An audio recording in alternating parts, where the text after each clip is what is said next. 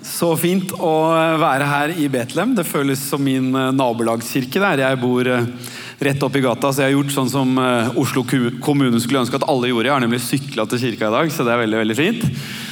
Så det er bra, og veldig veldig glad for å kunne være her. Har sett denne her kirka lenge og ser at dette er en kirke som både betyr noe for dere som går her til vanlig, men også for det her nabolaget, sånn som du også ba her så fint. Så det her er en kirke dere kan være stolt av. og ja også hatt gleden av å kjenne Erik i ganske mange år. Og syns han er en nydelig type som har stått støtt i kirkelandskapet både i landet og i Oslo gjennom så mange år. Så takker for tilliten jeg har fått for å tale til dere i dag. Jeg heter da David, eh, har blitt 39 år, blir snart 40 år. Føles utrolig. Føler meg ikke 40, men eh, nå blir jeg det snart. Eh, jeg er gift med Jenny, som er fra Sverige. Eh, veldig bra dame. Eh, og sammen så har vi Louis, som er ni år, som skal spille fotballkamp for Koffa etterpå. Så får virkelig bare møte opp og heie.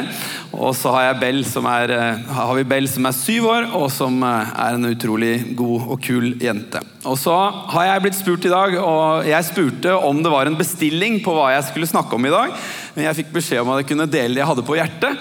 Det er jo en fin bestilling. Så da tenkte jeg å si noe som eh, har betydd mye for meg de siste årene, og som har oppmuntra meg. Og så håper jeg det kan være til oppmuntring for deg også. Og eh, at du kan gå herfra oppløfta. Høres ut som en god plan? Så bra. Hvis du vil ha en overskrift på det jeg skal si noe om i dag, så er det en ny begynnelse. Si en ny begynnelse. Ja, du trodde du skulle bare få sitte stille i dag, men jeg, aktiviserer deg, så det er bra. Og så klarte jeg ikke helt å bestemme meg for én overskrift, fordi eh, jeg hadde også lyst til å kalle talen Genesis Week, og det er kanskje ikke like lett å skjønne hva betyr det, men det kommer jeg tilbake til, så det kan du bare ta helt med ro. Men jeg har lyst til å snakke om en ny begynnelse, og før vi skal lese dagens tekst, så har jeg lyst til å gi litt kontekst til den teksten jeg skal lese. Og I dag har jeg henta teksten fra Salmenes bok. og jeg vet ikke hvor eh, kjent du er med Bibelen, men hvis du leser i Bibelen, så vil du oppdage at Salmenes bok den er skrevet i hovedsak av en som heter David. Og eh, han er en sann kreativ sjel. Det vil si at han er i kontakt med hele følelsesregisteret, og han skriver utrolig ærlige sanger. Jeg vet ikke om du har lest salmene, men du vil oppdage når du leser salmene at han skriver om de dagene der han kjenner at livet er helt fantastisk, men han er også den som skriver helt ærlig om de gangene han føler ting har gått i stykker for han, eller han føler han er på et tøft sted, og det gjør at det er mulig å kjenne seg igjen i Davids sanger, og at de kan være til hjelp og har vært til hjelp for mennesker gjennom egentlig da tusenvis av år etter at han skrev dem. Og I denne teksten som vi skal lese i dag, så er eh, en tekst som er skrevet på et tidspunkt der David er på et tøft sted. Det har gått i stykker for han, og jeg vet ikke som sagt hvor mye du har lest i salmene, kanskje du har lest der mye, men denne salmen den skriver David på et sted der han virkelig har gått på en smell, for å bruke et eh, hverdagslig uttrykk. Han eh, er en fyr som hvis du leser i Bibelen vil du oppdage at han blir kjent som en mann etter Guds hjerte. En konge og en viktig leder og skikkelse i den kristne historien og i Israels historie historie. Men du vil også oppdage at David han gjorde ved noen anledninger noen skikkelige blemmer. Og kanskje skriver han denne teksten på det tidspunktet der han virkelig har gått på den største smellen i sitt liv. Og som sagt, Hvis du ikke leser så mye i Bibelen, så har du allikevel hørt sangen til Leonard Cohen som heter 'Hallelujah'. Og Der synger han om at David, når han er hjemme i sitt palass, så ser han her kvinnen Batseba på taket når hun bader. Han får lyst på henne, og han inviterer henne inn til tross for at hun er gift med en mann som heter Uria. og De har sex, det, blir, det er utroskap, og om det ikke er nok, så sender han Uria fremst i krigen, sånn at han skal dø.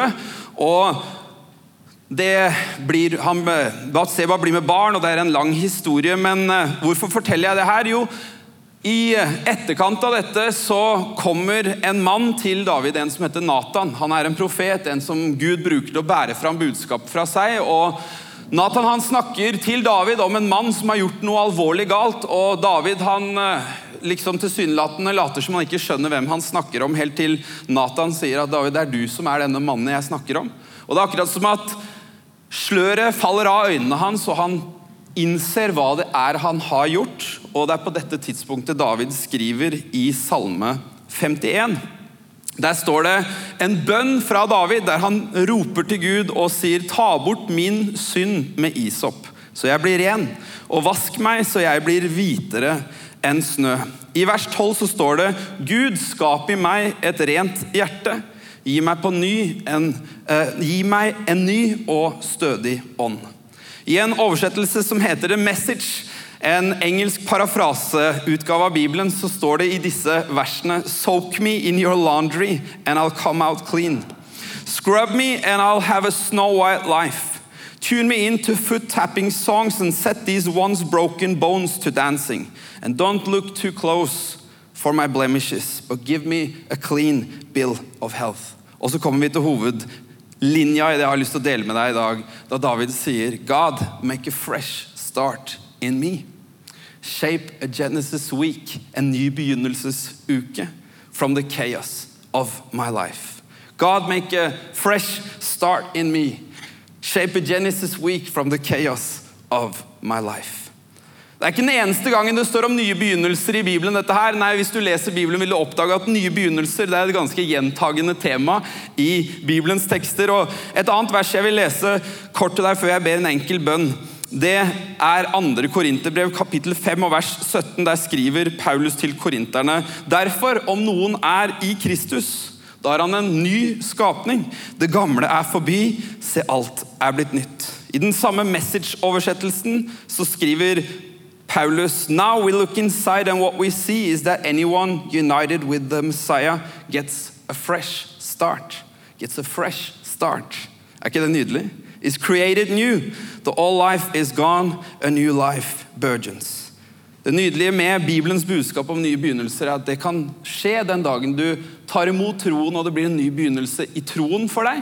Men det kan også skje igjen og igjen når du og jeg trenger nye begynnelser. Så Gud, takk for denne teksten og takk for at du i dag skal hjelpe meg å dele noe ut ifra det som kan gjøre at vi går herfra oppmuntra med blikket på deg. Og jeg ber om nye begynnelser, og at mennesker skal få tro på en ny begynnelse på de områdene der de trenger det. I Jesu navn. Amen. Amen.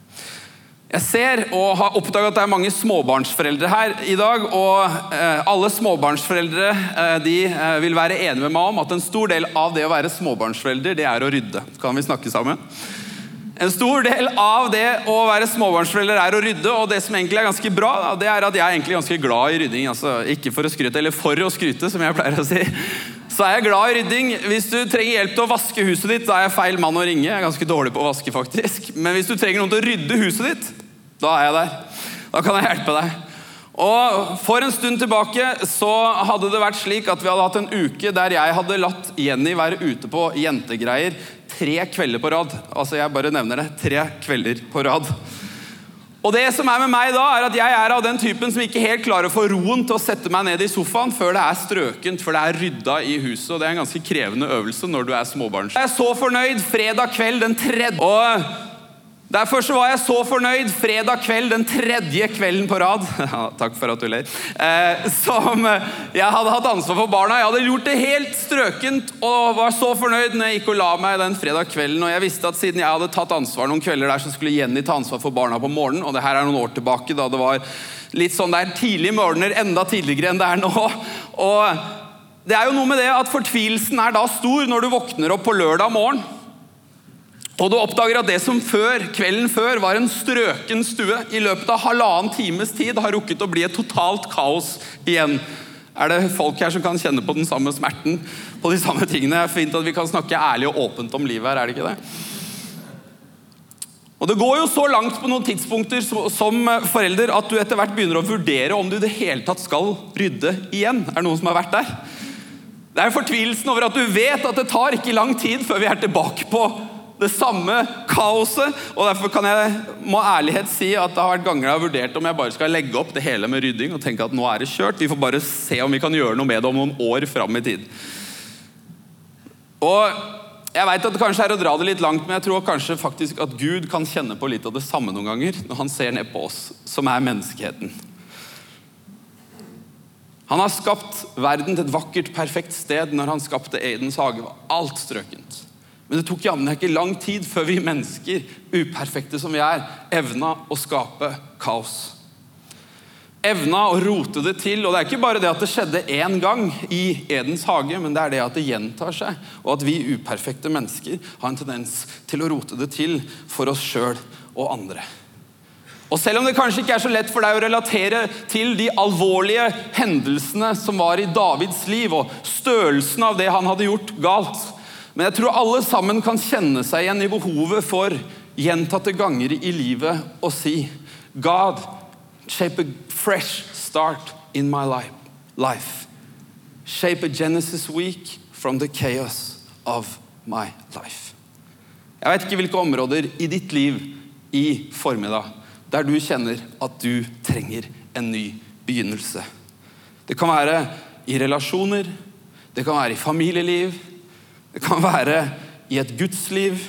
Det kan være en vane som du egentlig hadde håpa at ikke skulle hente deg igjen og igjen inn. En drøm som gikk i knus. Jeg vet ikke. Alt jeg vet, er at jeg er utrolig glad for at Gud han er ekspert på nye begynnelser.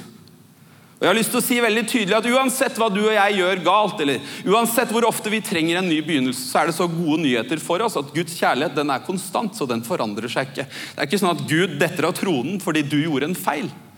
Men vi vet alle at når det går i stykker for oss, så får det konsekvenser. Og det er ganske ofte, i hvert fall jeg, får kjenne behovet for å rope til Gud som David gjorde. Gi meg en ny begynnelse.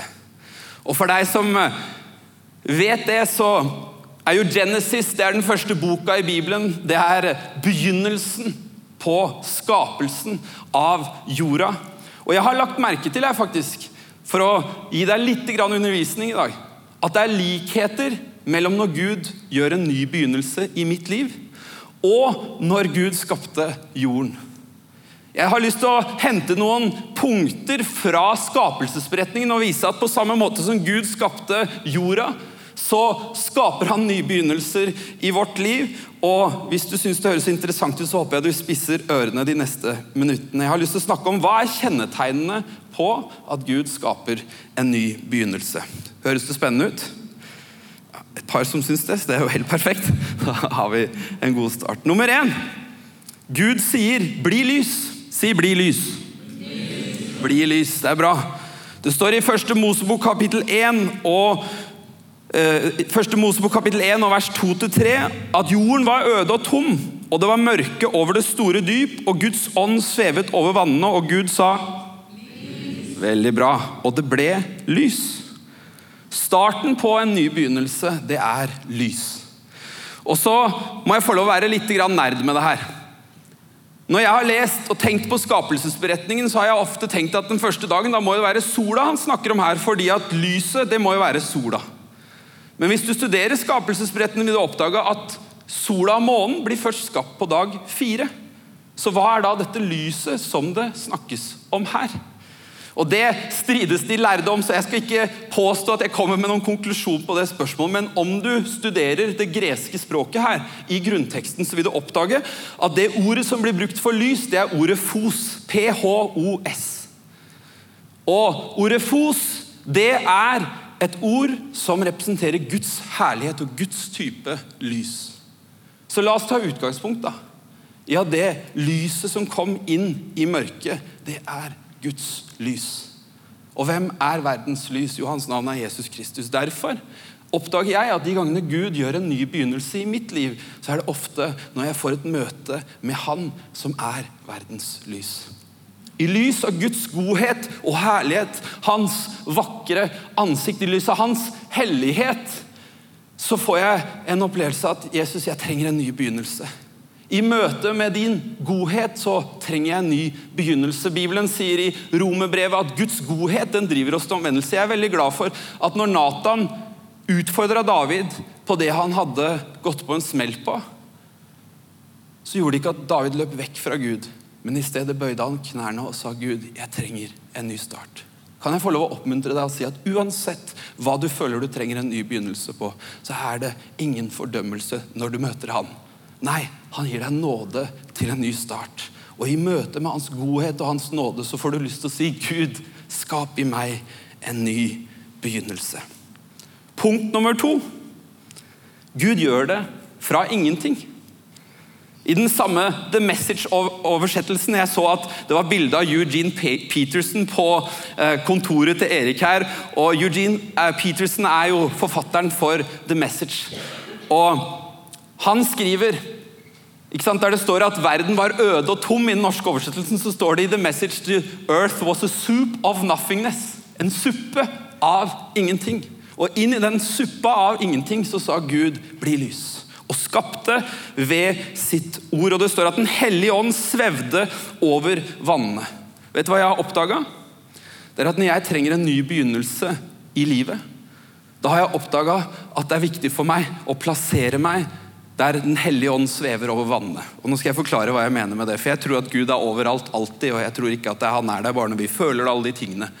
Men jeg har oppdaga at når jeg føler at det har gått litt i stykker for meg, og jeg trenger en ny begynnelse, da trenger jeg å plassere meg enten i kirka, der jeg får lov å høre om hvem Gud er, eller jeg pleier å gjøre sånn som kona mi har skjønt at det er smart når jeg er på et litt dårlig sted. Da tar hun fram den løpetightsen som ikke jeg går med offentlig. Kan vi snakke sammen?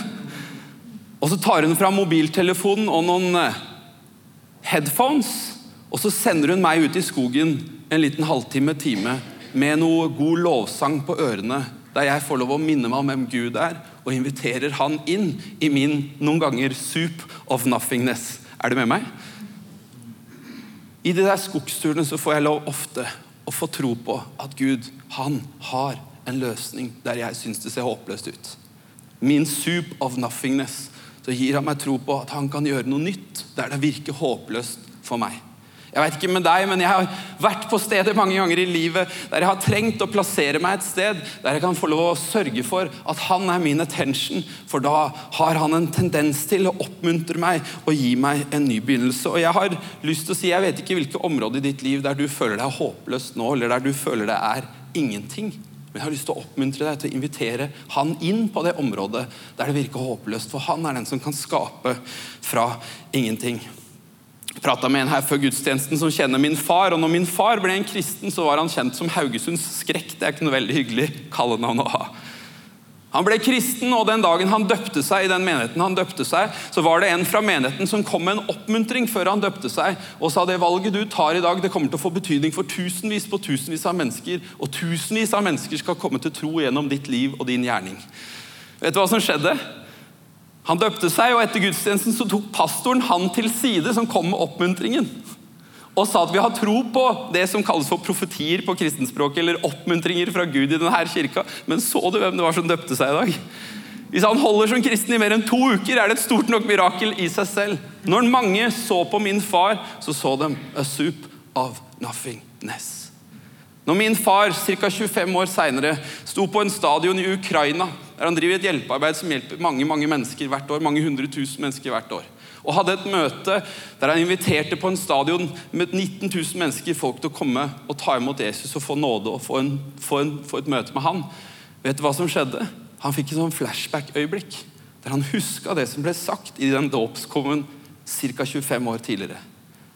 Det som virka som ingenting, det fikk Gud lov å ta og gjøre noe vakkert ut ifra.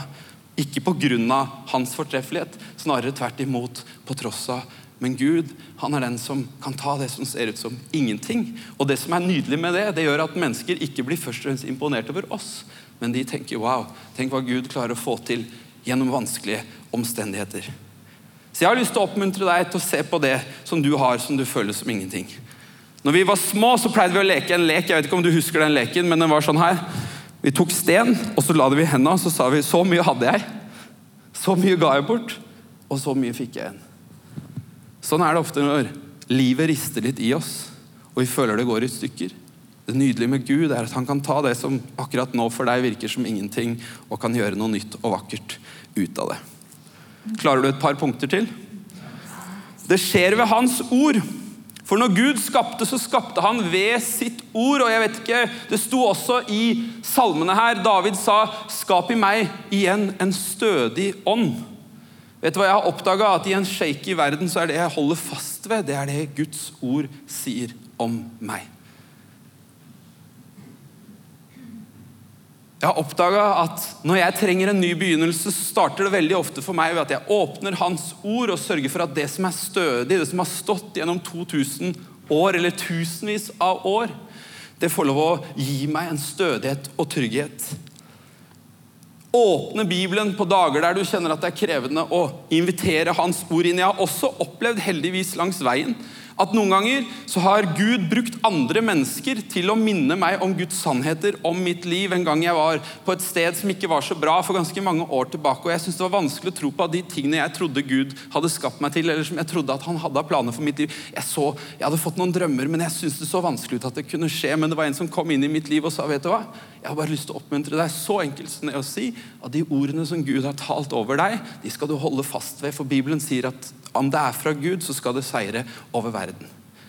Jeg har lyst til å oppmuntre deg å si hvilke ord føler du Gud har talt over ditt liv? Over deres ekteskap på de der tøffe dagene i ekteskapet. Over denne her menigheten på tidspunkter der det kanskje kan kjennes at det er krevende å bygge kirke.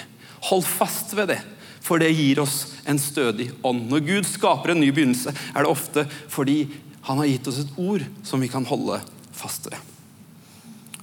Punkt nummer fire. Går det greit?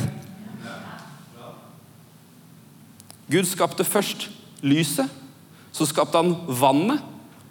Og så, som en konsekvens av vannet, som også er et tegn på, eller et, et bilde ofte i Bibelen på Guds type liv, så kom vekstene, og så kom trærne og plantene. Når Gud gjør noe nytt i mitt liv, så gjør han det ikke bare sånn at han gir meg en ny start, men han flytter også inn i våre liv og kommer med sin hjelp, med sitt type liv, for å hjelpe oss å leve i det nye. For det er jo sånn at Gud han gir helt ny nåde hver dag, men det er jo også sånn at om jeg har gått på en smell, så er det jo fint hvis jeg slipper å gjøre den samme dumme feilen dagen etter. Men i oss sjøl er det fort det vi gjør. Men med Guds hjelp, med hans type liv, så kan det faktisk være at hans type liv begynner å gi oss nye frukter i livet, om du henger, med. henger med.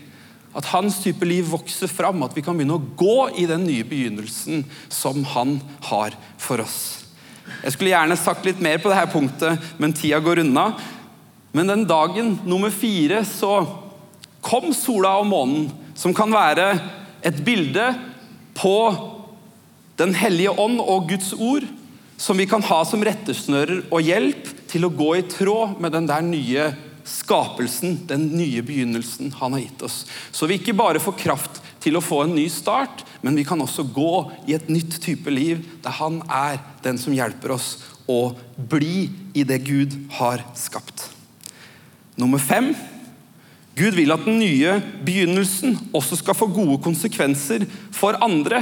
Det neste som står, var at dyrene kom, og så sier Gud, vær fruktbare og bli mange. Når Gud skaper noe nytt i mitt liv, så er det fordi han ønsker det, og fordi han elsker meg. Punktum.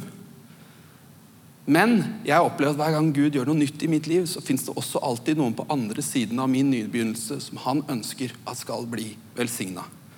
En av mine favoritthistorier på det var når jeg hadde gleden av å være lærer på en bibelskole for noen år tilbake. og vi hadde kommet mot slutten av året og skulle sette ord på noen av de tingene som elevene eller de skulle sette ord på noen av de tingene de opplevde at Gud hadde hjelpa dem med, som de trodde de kunne bruke til å bety en forskjell i denne verden. Og Da tar Karoline ordet, ikke en av de som snakka mest, men en av de som jeg husker best. Hun sier at gjennom tenårene mine så sleit jeg enormt med spiseforstyrrelser, sier hun. Til et sted som var virkelig alvorlig. Og jeg gikk til profesjonell hjelp, men forbønn og åndelig hjelp var altså en så viktig del av prosessen for meg til å kunne si nå, noen år seinere, at jeg ikke har spiseforstyrrelser lenger, at jeg er fri fra det. Og Gjennom dette året har jeg oppdaga at Gud han kan bruke mitt liv til å sette andre jenter i samme situasjon i frihet. Gud ga Karoline en ny begynnelse, men han bryr seg så mye også om andre som trenger en lignende ny begynnelse. En pastor som heter Christine Kane, hun sier Your past can give somebody else a future if you put it into the hands of a redeeming God. Your past can give somebody else a future if you put it into the hands of a redeeming God. Når Gud gjør noe nytt i ditt liv, så gjør han det fordi han elsker deg Punktum. Men jeg har sett at han, når han gjør noe nytt, også har andre mennesker i tankene som vi kan få lov å si Jesus, hjelp meg så min nye begynnelse også kan bli en velsignelse for andre. Punkt seks. Når Gud gjør noe nytt i mitt liv, så vil han altså at jeg skal bringe noe nytt inn i det store bildet, hans kirke.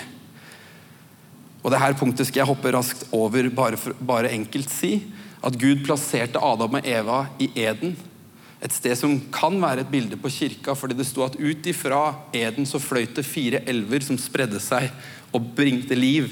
Og På samme måte tror jeg Gud ønsker at kirka i samfunnet skal få lov å være et sentrum der våre forandra liv, våre nye begynnelser, kan også få lov å påvirke lokalsamfunnet, sånn som jeg opplever at dere gjør her i Betlehem. Så når Gud gjør noe nytt i ditt liv, bring det også inn i det store bildet ved å være med å bidra til det dere bygger her. Og så er Grunnen til at jeg hadde så mange punkter i dag, det er at det går ikke an å ha en tale om skapelsesberetning uten å ha syv punkter. Jeg håper du skjønner det. Så punkt sju. Gud tar oss til side for å skape noe nytt igjen. Jeg sa at Gud han skaper noe nytt, men han gjør det ikke bare én gang. Nei, Gud har en tendens til å gjøre det igjen og igjen. Det står Den sjuende dagen fullførte Gud arbeidet han har gjort, og den syvende dagen hvilte han fra det hele arbeidet han har gjort. Er det ikke godt at Gud trengte å hvile? Det betyr jo at vi også i aller høyeste grad trenger det. Gud velsignet den syvende dagen og helliget for den dagen hvilte han fra hele sitt arbeid og det som Gud hadde gjort da han skapte. Ordet rekreasjon det er jo et ord jeg hadde hørt mye i livet. Men det var ikke før jeg leste boka til Thomas Sjødin som heter 'Det hender mens du hviler', at jeg forsto egentlig litt mer av hva det ordet betyr.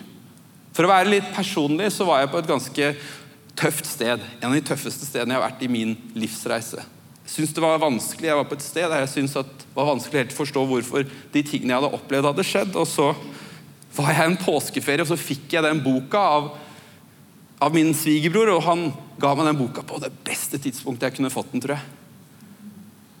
For jeg forsto plutselig, som Thomas Sjødin skriver, at ordet re rekreasjon det er jo enkelt egentlig, men det var allikevel en liten sånn epiphany for, meg, for, for meg at det handler jo om en ny skapelse.